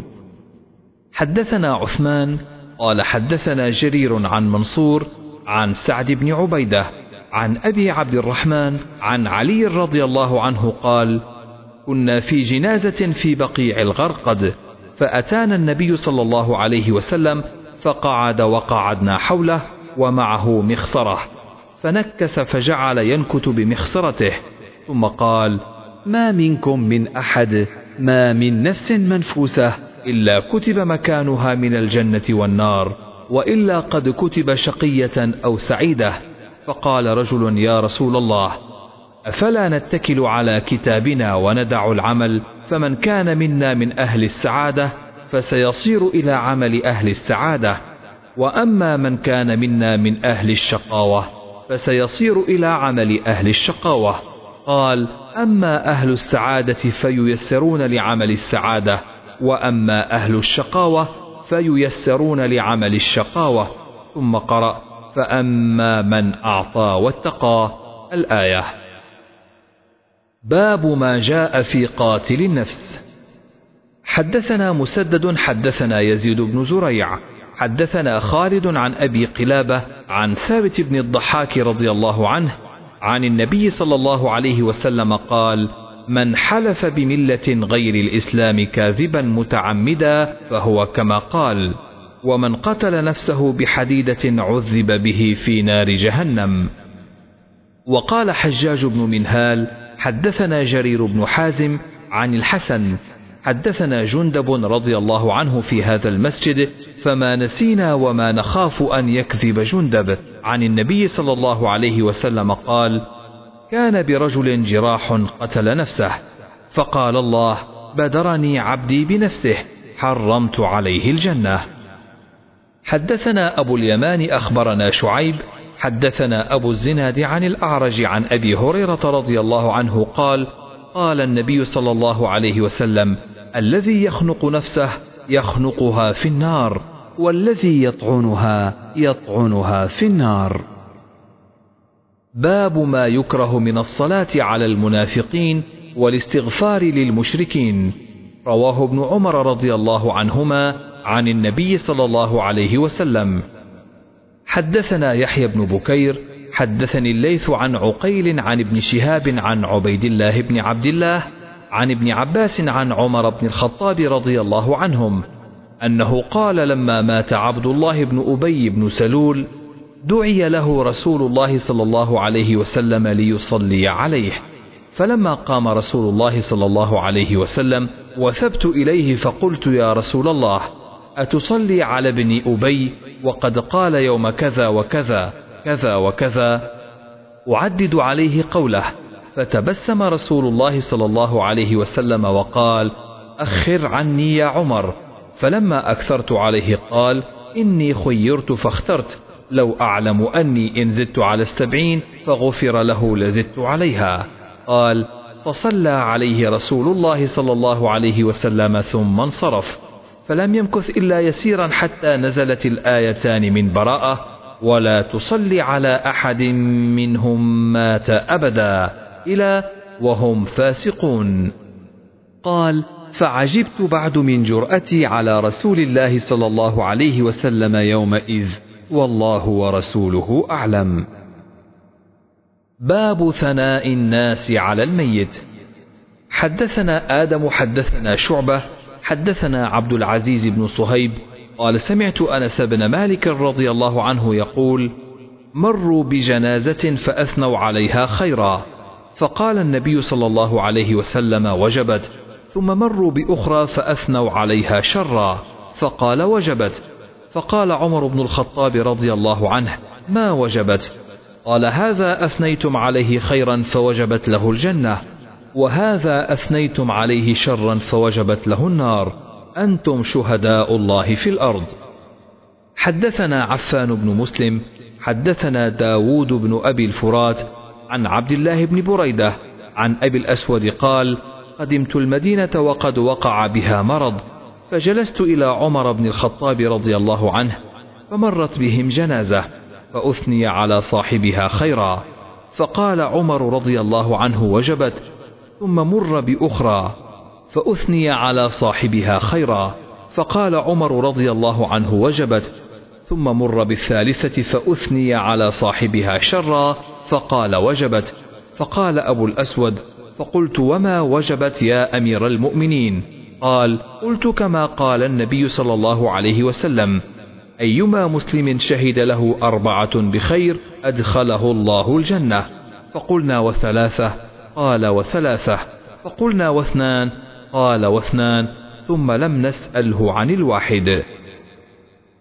باب ما جاء في عذاب القبر وقوله تعالى إذ الظالمون في غمرات الموت والملائكة باسطوا أيديهم أخرجوا أنفسكم اليوم تجزون عذاب الهون هو الهوان والهون الرفق. وقوله جل ذكره سنعذبهم مرتين ثم يردون إلى عذاب عظيم. وقوله تعالى وحاق بآل فرعون سوء العذاب. النار يعرضون عليها غدوا وعشيا ويوم تقوم الساعة أدخلوا آل فرعون أشد العذاب. حدثنا حفص بن عمر حدثنا شعبة عن علقمة بن مرثد عن سعد بن عبيدة عن البراء بن عازب رضي الله عنهما عن النبي صلى الله عليه وسلم قال إذا أقعد المؤمن في قبره أتي ثم شهد أن لا إله إلا الله وأن محمد رسول الله فذلك قوله يثبت الله الذين آمنوا بالقول الثابت. حدثنا محمد بن بشار حدثنا غندر حدثنا شعبة بهذا وزاد يثبت الله الذين آمنوا نزلت في عذاب القبر. حدثنا علي بن عبد الله حدثنا يعقوب بن إبراهيم حدثني أبي عن صالح حدثني نافع أن ابن عمر رضي الله عنه أخبره قال اطلع النبي صلى الله عليه وسلم على أهل القليب فقال وجدتم ما وعد ربكم حقا؟ فقيل له تدعو أمواتا؟ فقال ما أنتم بأسمع منهم ولكن لا يجيبون.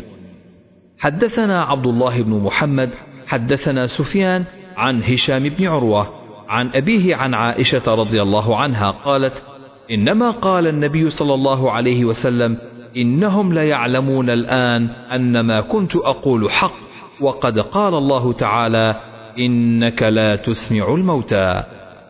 حدثنا عبدان أخبرني أبي عن شعبة سمعت الأشعث عن أبيه عن مسروق عن عائشة رضي الله عنها أن يهودية دخلت عليها فذكرت عذاب القبر فقالت لها أعاذك الله من عذاب القبر؟ فسألت عائشة رسول الله صلى الله عليه وسلم عن عذاب القبر فقال نعم عذاب القبر. قالت عائشة رضي الله عنها فما رأيت رسول الله صلى الله عليه وسلم بعد صلى صلاة إلا تعوذ من عذاب القبر.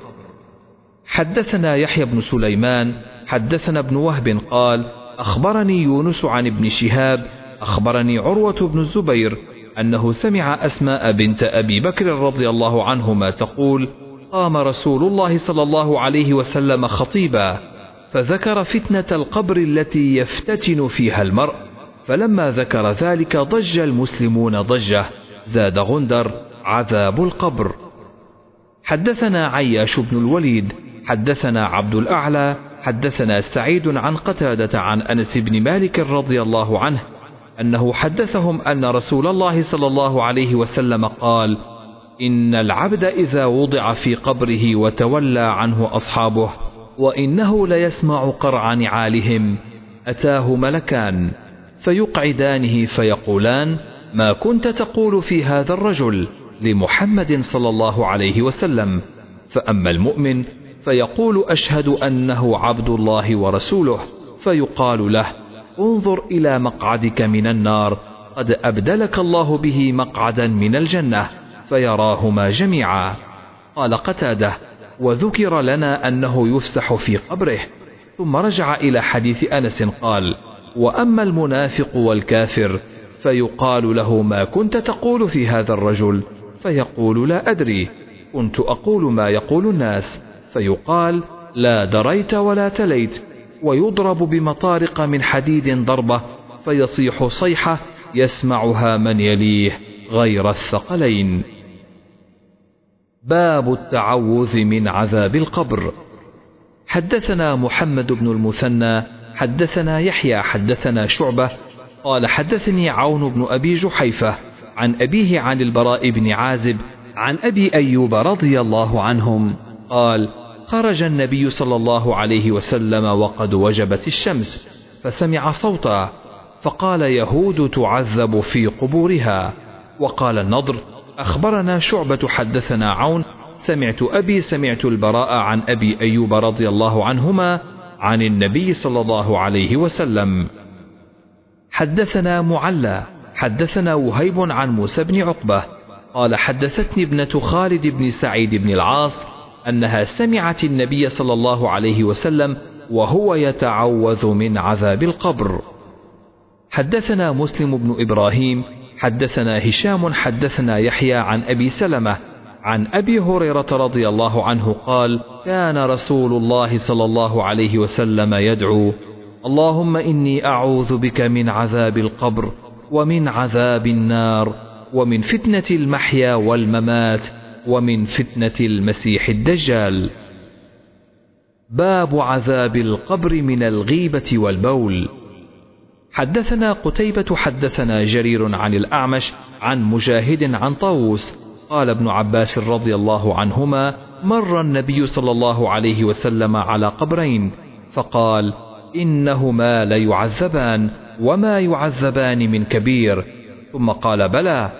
أما أحدهما فكان يسعى بالنميمة وأما أحدهما فكان لا يستتر من بوله.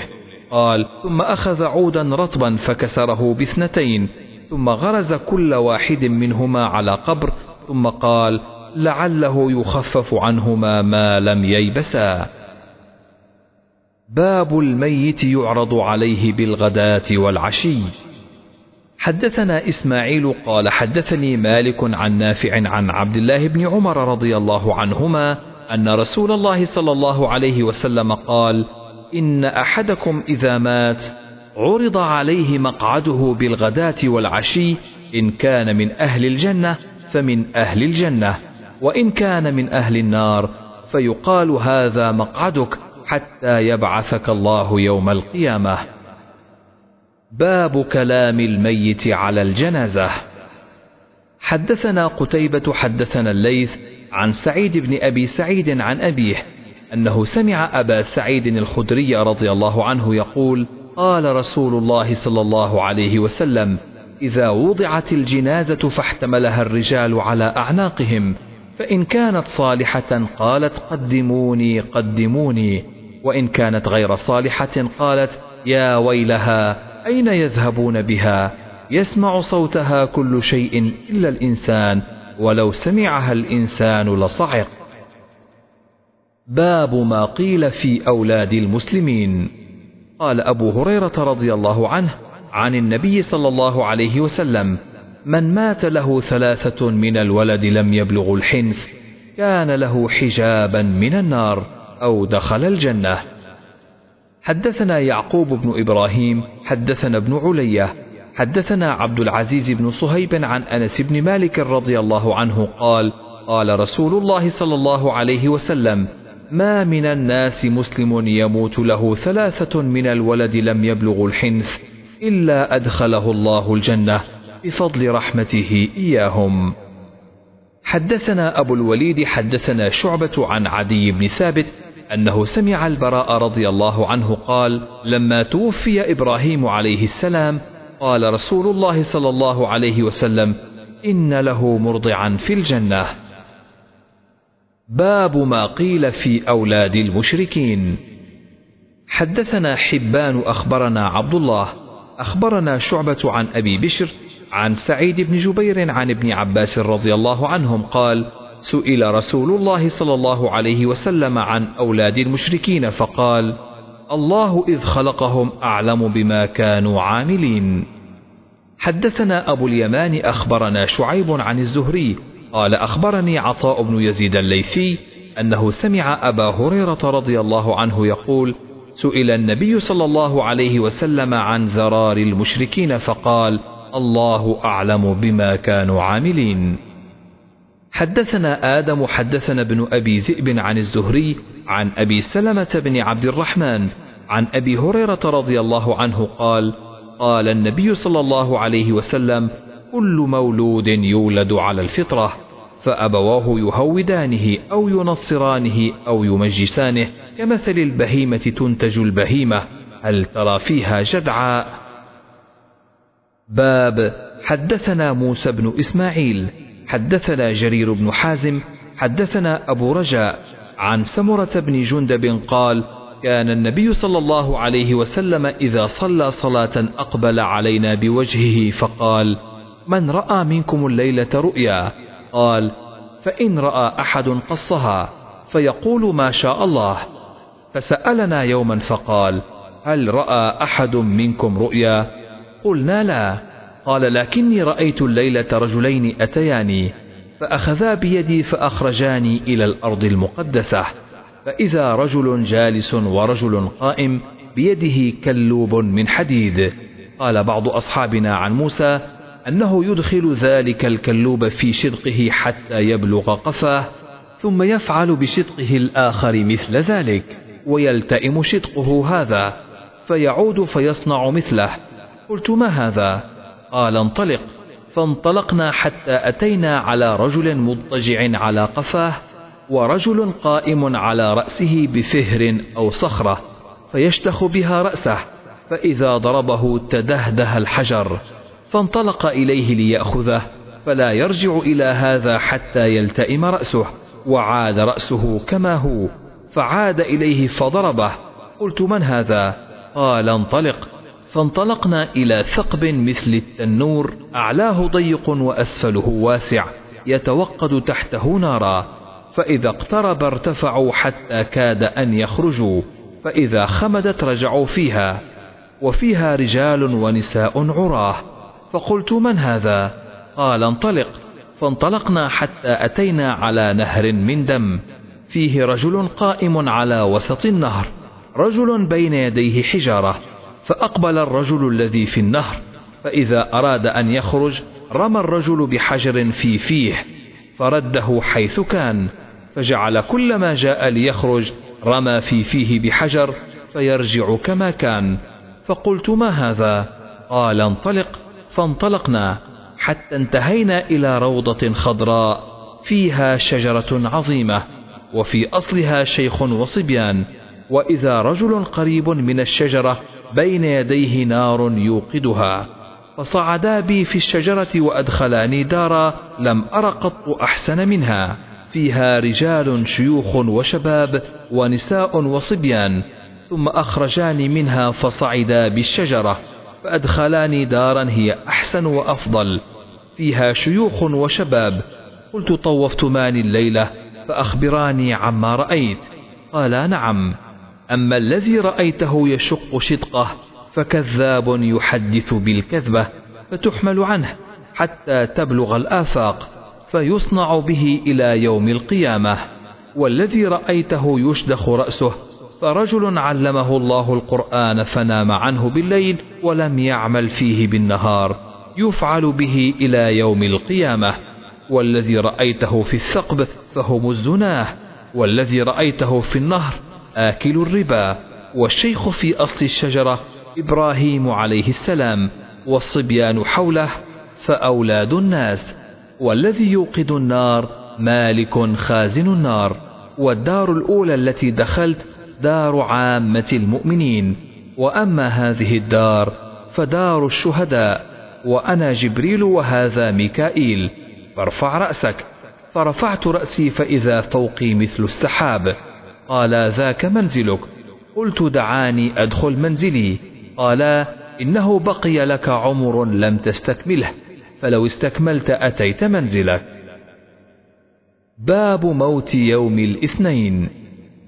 حدثنا معل بن أسد حدثنا وهيب عن هشام عن أبيه عن عائشة رضي الله عنها قالت دخلت على أبي بكر رضي الله عنه فقال في كم كفنتم النبي صلى الله عليه وسلم؟ قالت في ثلاثة أثواب بيض سحولية ليس فيها قميص ولا عمامة.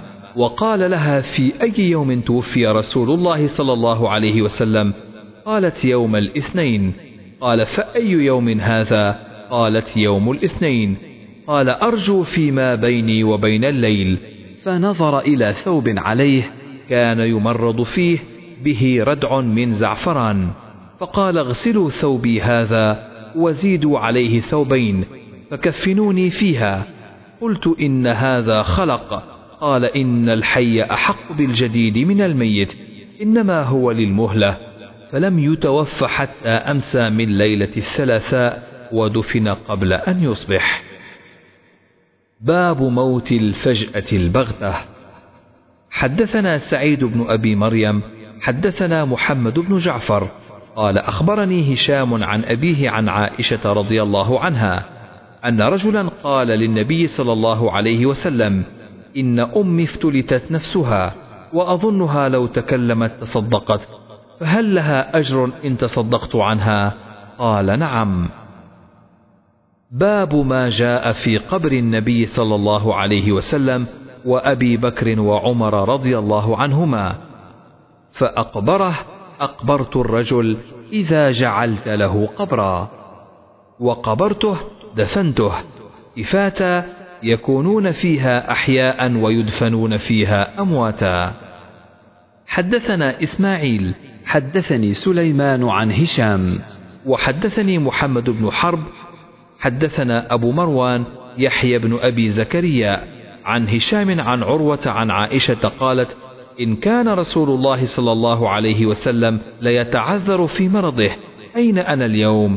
أين أنا غدا؟ استبطاء ليوم عائشة.